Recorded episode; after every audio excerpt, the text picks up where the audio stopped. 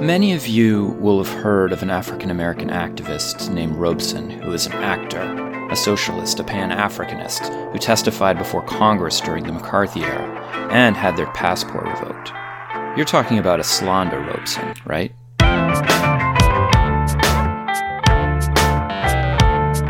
It's time to eat the dogs. I'm Michael Robinson. Today, Annette Joseph Gabriel talks about Eslanda Robeson, who, in addition to all the things she shared with her husband Paul Robeson, was also a chemist, an anthropologist, and an epic traveler. Of the three journeys that Robeson made to Africa, she only published an account of the first one. Joseph Gabriel has gathered documents about her second journey, her 1946 travel through the Congo, in an interactive online website called Digitizing Diaspora.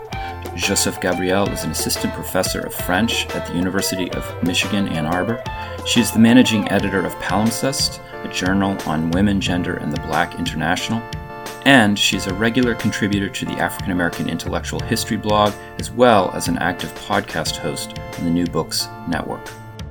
Annette Joseph Gabriel, thank you for talking with me today. Thank you for having me. So, Paul Robeson is probably somebody that most Americans, or at least most Americans of a certain age, I guess, are familiar with as a singer and actor, a social activist. His wife, Eslanda, or Essie Robeson, is not quite as well known, but you write that she is an incredible writer, an intellectual, and an activist. I was wondering if you could just tell us a little bit about her.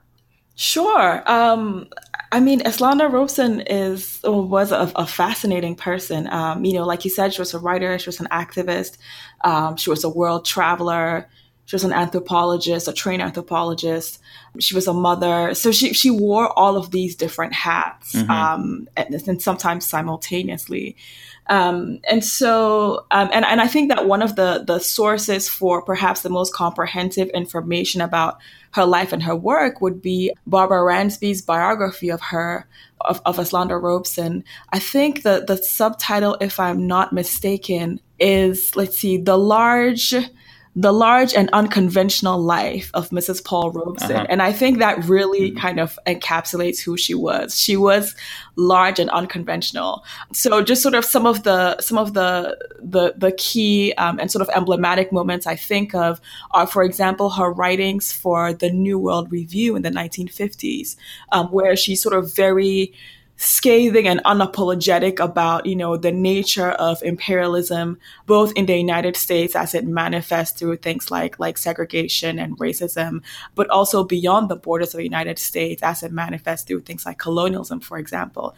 So she was someone who was constantly thinking through the, the connections across space and time. Mm-hmm. Um, she was someone who was constantly working to solidify those connections um, in order to have a sort of a, a feminist, to some extent, um, Afro diasporic network. And so, yeah, it's it's a little bit difficult to to distill her life into one thing, um, you know. But she was right. she was she was many things. Yeah. Yeah, I was. I was. Uh, I now I didn't know much about her before I started reading your work, and she has such a broad background. She studied chemistry. She mm-hmm. went to mm-hmm. Columbia. She became very politically active. She worked in a hospital as a chemist, and then she meets Paul Robeson in the 20s, and and then she writes a book about him, and all of that's before all of the stuff that you're talking about. I mean, it's right. like it's really incredible. And so I guess I, I had a question about this, which is she she starts her career at Columbia and she's studying science, and then she switches over. I mean, I guess she gets married and then she starts uh, studying anthropology. She gets a PhD mm-hmm. in anthropology. Do you get a sense? I mean, I know you're reading her later works, but do you get a sense for why she makes that shift? Um, I think it's a question of the, the kinds of questions that anthropology allowed her to answer. Uh-huh. Um, and so, you know, she, she studies anthropology first at the London School of Economics in the 1930s um, you know, and she does graduate work there.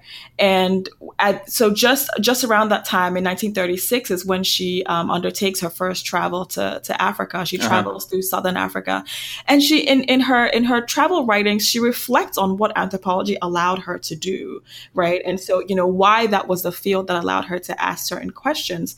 Um, and for her, it was very much a question of just sort of trying to understand people and places, but not with the with the gaze of the impartial external observer, right? Uh-huh. So anthropology was at once allowing her to answer questions about Africa through empirical evidence rather than sort of taking as gospel, if you will, the the received knowledge that she got in her graduate courses that you know were were in many in many instances problematic, um, but that in addition to working within the field, I think that in, in many ways she was also working to reshape the field of anthropology even as she was Yeah. studying it. So, you know, what is the position of the of the researcher, for example? Yeah, I was I was thinking that she is studying anthropology and making this shift in her own life at a time when so much is going on. I mean, you have uh, within anthropology at the time the shift from a real racialized thinking to the work of uh, Du Bois and Franz Boas,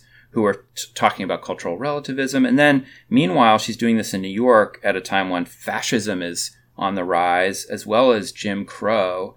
And I was just thinking, like, wow, it must have been an incredible moment for her to be studying these things and, and then thinking about Africa. So I wonder if you could just talk about. Well, actually, you could you do you mind actually reading? You have on your website, digitizing diaspora, a um, an opening line from her book African Journey. Do you mind actually reading it? Yeah, absolutely. Um, so yeah, this is this is from the, the early pages of her book African Journey. She writes the bookends, so the introduction, the conclusion, you know, after she's she's come back. Uh-huh. Um, so in like 1944, so she's had actually quite a bit of time to reflect on what that journey was and what it meant to her. But you know, in in this opening, she she says, "I wanted to go to Africa. It began when I was quite small. Africa was the place we Negroes came from originally." lots of Americans, when they could afford it, went back to see their old country, and old countries in quotes here. Mhm. I remember wanting very much to see my old country and wondering what it would be like. I was wondering if you could tell us what you take out of this quotation, why you think it's so important. I mean, I think this quotation is fascinating in so many ways. Um, so, you know, it, when we get back to the question of anthropology, for example, right, is that is that you have to have empirical evidence for for whatever claims you make about Africa. So, you know, she's coming away with all of these claims that she's heard about, you know, Africa as a sort of dark continent, Uh-huh. as as a sort of backward place, and she's like, well, as an anthropologist, I need to have, you know, firsthand data. I need to go and to see. So, in that way, the first thing that's interesting to me is the way that she positions herself, right? As as a researcher, as someone who's going to go to collect data and evidence in order to make more supported claims about the continent. Mm-hmm. But at the same time, there's also that very intimate articulation of my old country, right? That this was also in some ways a pilgrimage. So if you think about, you know, narratives of the African diaspora, particularly return narratives, I think that, you know, Eslanda is playing at once not just with anthropology and its positioning of the researcher as external, but also with narratives of diaspora, you know, as as homecoming Yeah. um, you know, so that it, it's possible for her to have this homecoming, but she's occupying at once this internal and external position, right? It's my home country, internal position, but I don't know much about it, external position, right? So she's Yeah. constantly navigating those two positions. But the last thing I will say that I find absolutely stunning here is how very American this articulation is, right? That, and she talks about this in her introduction that Italians, um, you know, Irish, right? All of these immigrant communities that you find in the United States all have their own country. And so there's nothing more quintessentially American than to say, I too am from elsewhere. So she takes that whole sort of, you know, racist narrative of, you know, African Americans as, as not being from here as a way to deny them citizenship. Um, and to say, well, I'm actually as American as, as everyone else because I'm not originally from here, right? This whole Yeah. narrative of a country of immigrants. Um, so there's a lot going on in just these three sentences and her reflecting Yeah. on why she wants to go. I was thinking that too um, when I was reading this this excerpt. That old country is something that gets coded. I can almost see it in my mind, you know, as um, as kind of Sicily or Right. or or Ireland. You know, it's Right. it's coded uh, white European, and um, so anyway, I thought that was a really interesting kind of deconstruction of that paragraph. And the other thing it made me think about was um, on the podcast recently, I had Jeanette Eileen Jones, a historian who talked about this shift in ideas of Africa generally among Americans, but also among African Americans uh, in particular. And she says there's a kind of battle over uh, this meaning of Africa, which in the 19th century was, you know, as you mentioned earlier, coded as darkest Africa by these, uh, you know, white explorers. And then there's this kind of question of like, well, what is Africa in the 20th century? Can we make it a brightest Africa? And anyway, I was just thinking the story of Essie Robeson kind of fits into that. Do you think? Yeah, absolutely. I mean, I think she's very much looking to go beyond, you know, like you're saying, that that sort of 19th century, you know, Joseph Conrad Heart of Darkness kind of narrative and to see to see Africa for what not only for what it really is, but also for what it can be. So, you know, there's a very kind of anti-colonial bent to her travels as well, both times. You know, it's that, that strand is certainly there in her thinking in 1936, but even more so in 1946, right? Because we're getting here closer to, you know, the, the sort of peak of independent movements in Africa. And so when she gets to Central Africa, and, and I keep using, you know, talking about the continent in general because she never actually just visits one country, right? She yeah. she crosses all of these borders all the time. Um, you know, so for once, when when someone says I'm going to Africa, Eslanda really was going to Africa. She was going to multiple parts of the continent.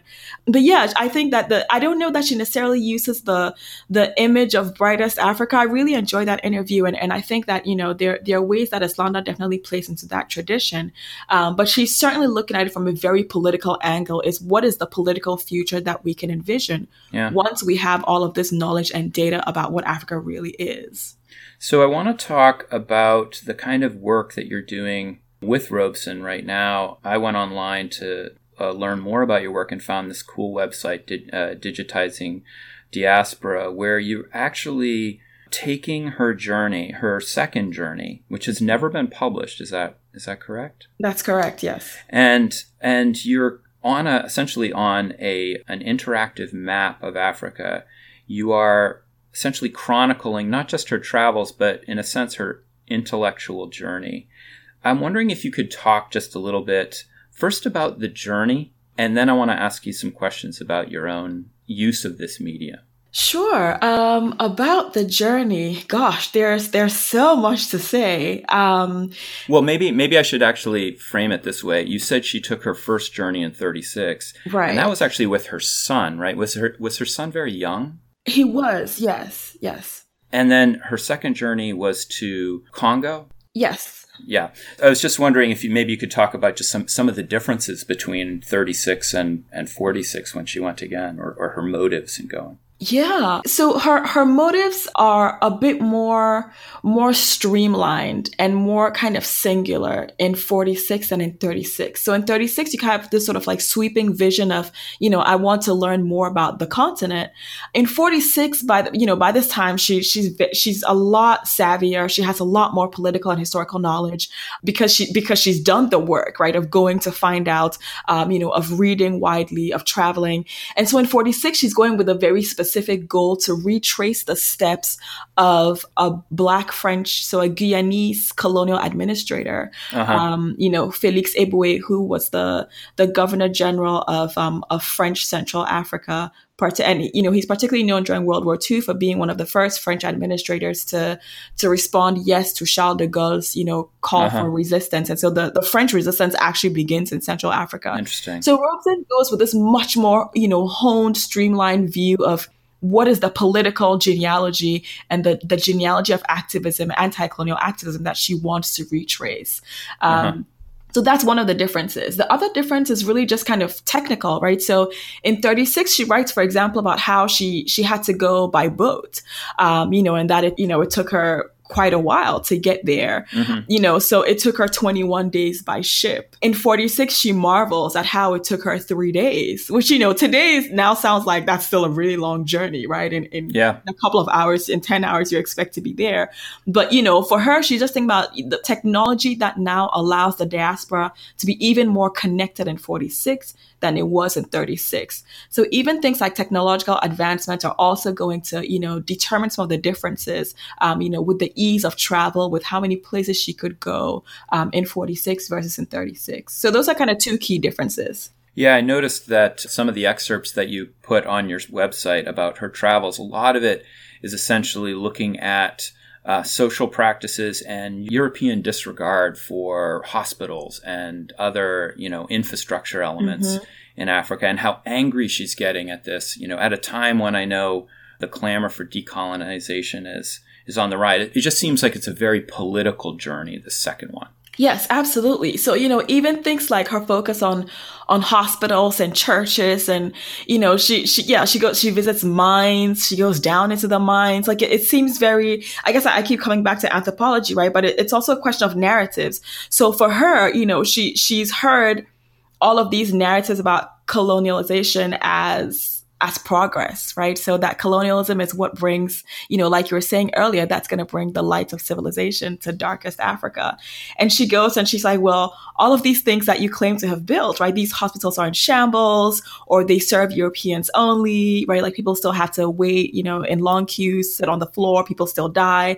So none of those claims, again, are actually true, right? So if we think about 36 and her wanting to undo those narratives, she's she's doing that again in 46 by saying i'm going to visit and take a look at the infrastructure really right? These claims about colonialism as bringing infrastructure and development do those claims hold up? And so you know she has this kind of acute you know gaze at all of these different elements of infrastructure including schools marketplaces and you know she finds that they all fall yeah. short. You know there's like so much in her story that's so interesting. I mean like even we haven't even gotten to the part where you know she's kind of espousing socialism and getting into trouble right. back in the United States yes. and uh, becoming an act- activist for Pan Africanism. But I actually want to turn direction and talk a little more about your work because as I'm reading your other work, it seems like, for example, you have a, um, an essay on mobility and the enunciation of freedom in Le Cap in Saint Domingue in, in uh, modern day Haiti. Is that mm-hmm. correct? Yes, that's correct.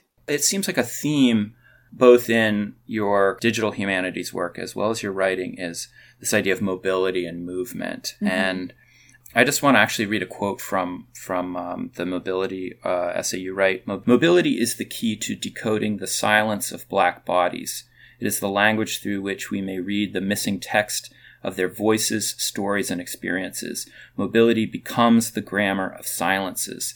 I was wondering if you could talk about that as it applies to the people of Le Cap in the years before the Haitian Revolution? Yeah. Um, before hearing you ask this question, I hadn't actually made connections between, you know, my writing about Le Cap and, you know, the more contemporary work on Robeson and others. And so I've always had in my mind this kind of stark divide between the work that I do um, in the 20th century and then, you know, the, what I study in the 18th century in the Caribbean. And so hearing you articulate that is actually setting off a lot of wheels in my mind for me because I'm like, oh, there is a connection. so thank you for that but yeah, I mean, I, I think that, you know, like you said, mobility ends up doing very similar things, whether we're thinking about Robeson, um, you know, kind of transgressing these borders, these colonial borders, right? Because you have um, a lot of surveillance, MI5 surveillance, FBI surveillance. You know, the fact that she's going to Africa just sets up a flurry of, you know, um, of surveillance activity on the part of colonial administrators because huh. they're terrified. They're like, yeah. she's crossing all of these borders. And that's going to challenge then, right? Sort of the, the integrity of these colonial colonial borders.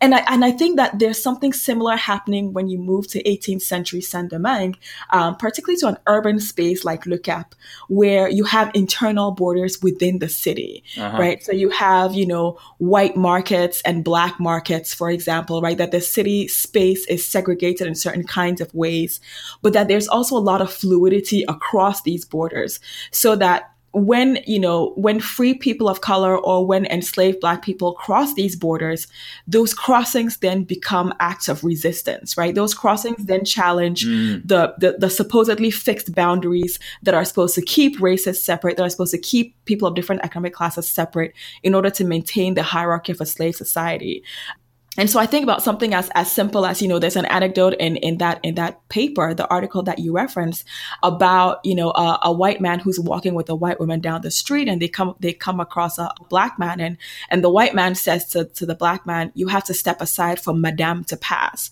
right? So then in that particular moment, who can walk on the sidewalk at a given moment is is very much a question of the racial but also the gendered hierarchy in the society, right? That you step aside from Madame to pass. Yeah. Because enforcing those boundaries in the space are also a question of, you know, for example, reinforcing white masculinity as a protector of the white woman. So, you know, there's just, you know, in, in something as simple as that encounter, there's a lot that's happening. Um, that's very much a question of, you know, who who gets to be in a space and who gets to claim that space as a political yeah. act. I, I really liked that that paragraph a lot, and also what you do in that in that essay because one of the standard boilerplate questions that I have for scholars, let's say of exploration or of colonialization, is you know how do you how do you get at the the silent voices, right? How do you if if your uh, texts and sources are all being written by uh, you know the people coming back to Europe. How do you get the the other voice, right? And your way of getting it in this essay is you're actually looking at mobility. You're looking at where people go. I was wondering, um, you do so much with with travel, with you know, with diaspora, with African American migration back to the old country, as uh, as Robeson put it. I was wondering if you see connections to the you know, this massive canon of travel literature. And by that, I'm thinking specifically of these kind of this this old, very European canon of literature, like the Bildungsroman, uh, you know, the coming of age story, or the Grand Tour, or you know, the Sublime Experience, or the Arduous Expedition. These are all like tropes, right? In in that literature, and you're really looking at such different populations of people and it makes me think do you think that the the people that you're looking at represent a kind of entirely different category of travel literature or do you see connections to this old very kind of archaic Ooh, that is that's a great question. That's a challenging question. Um, sorry. no no i mean challenging in, in, a good way because you know yeah. in, in, the different examples that you you just gave of the genres there you know, like you said, there, there are quite a few of them, right? There's the coming of age ones, there's the um, sort of quintessential exploration and discovery kind of narrative. Yeah. I think that in many ways, thinking about travel narratives in, in the African diaspora, those narratives are definitely influenced by the sort of gen- generic conventions of, you know, more kind of classical European travel uh-huh. narratives but also sometimes just out of necessity, they have to play with those boundaries. They have to challenge the conventions of that genre because the reception, right, or the perception yeah. of them as travelers already changes the experience of moving through space. Um, you know, so whether you're you're seen as a traveler or not, um, whether you have the the disposable income and and the sort of leisure, right? So I think about the the French tradition of the the flaneur, for example, right? Yeah, you can just yeah. kind of wander through the city. Um, you know, whether whether that kind of leisure activity that becomes a way of reclaiming public space is even available. I'm thinking about you know as enslaved people in the 18th century, for example. So I think, you know, in many ways, these writers always seem to be aware of these conventions, these generic uh-huh. conventions. Um, these are texts that they know, that they've read, that they've engaged with, but they they write back to those texts in particular kinds of ways. Uh-huh. And then in other in other instances, they don't at all, right? These are these are completely these are narratives that are independent of any any desire to to speak back to you know a set genre. And I think mm-hmm. that that happens to some extent with with Eslanda's writings. Um, the shift from, for example, 36 to 46, you know, in 36, where she's very much invested in the sort of travel log in the way that you'll see in anthropology, for example, or in ethnography, you know, in, in 46, the, the boundaries become really blurred right? So there's there's travel log there's personal diary there's there are interviews there there you uh-huh. know personal observations. So it's really it, it becomes a hodgepodge of things that i think again get back to what does it mean to reshape these genres to actually be able to articulate the different experiences of the people who are traveling. Hmm. I, I, feel like and that's a bit of a vague answer. I'm sorry. No no. You know? I was wondering if you could talk a little about your own experiences as a traveler? I mean, you begin your work saying that a kind of touchstone for you is a picture of your mom in 1957. Could you talk a little bit about, that? Yeah, certainly. Um, yeah, so that's that that moment um, in history. So you know, um, this is this is, yeah, it's, it's, an image of my mom um, who's a baby, and she's on my grandmother's back, and they're kind of dancing um, in Independence Square um, on you know on on the day of, of independence um, in Ghana, and so you know Ghana becomes independent from from British colonial rule.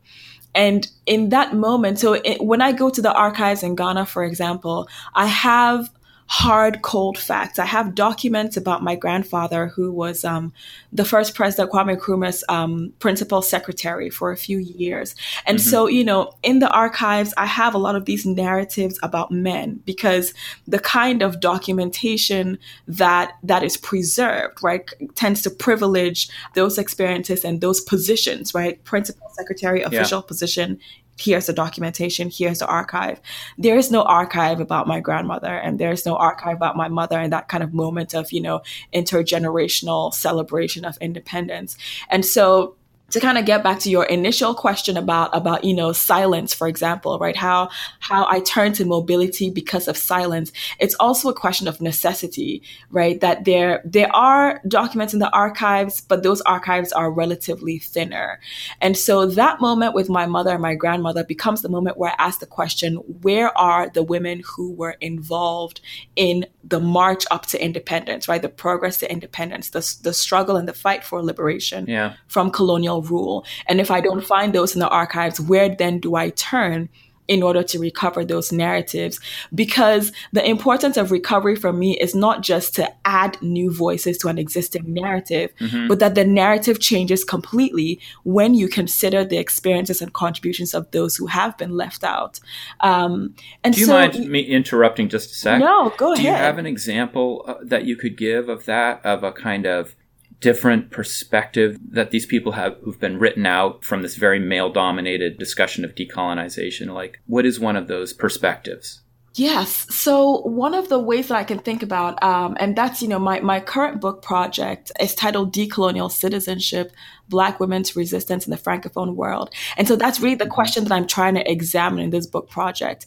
And so I'll give you one example, um, you know, going back to Africa of Awa Keita, who was a midwife in, um, in, a, in a number of different rural areas in what's today Mali, um, you know, in the period just before independence. And when she talks about her anti-colonial activism, it involves particularly being able to enfranchise women in rural areas as voters, as part of the mm-hmm. electorate, mm-hmm. as citizens.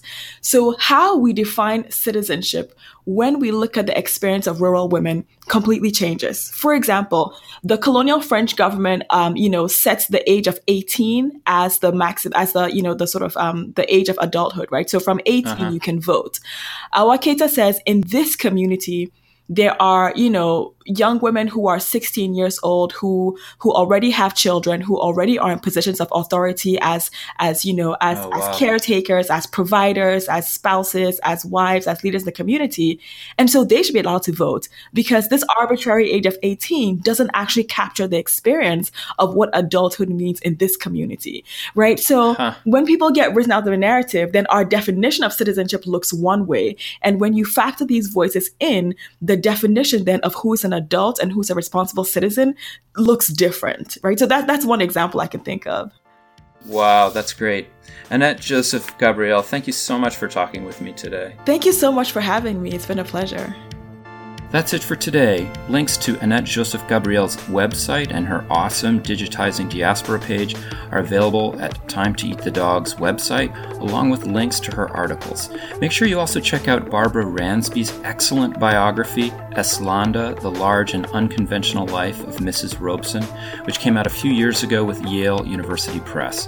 Please rate and review the show where you get your podcasts. It really does help get the word out to new listeners. And if you want to get in touch, feel free to email me at time to eat the dogs, that's one word, lowercase, at gmail.com. See you next week.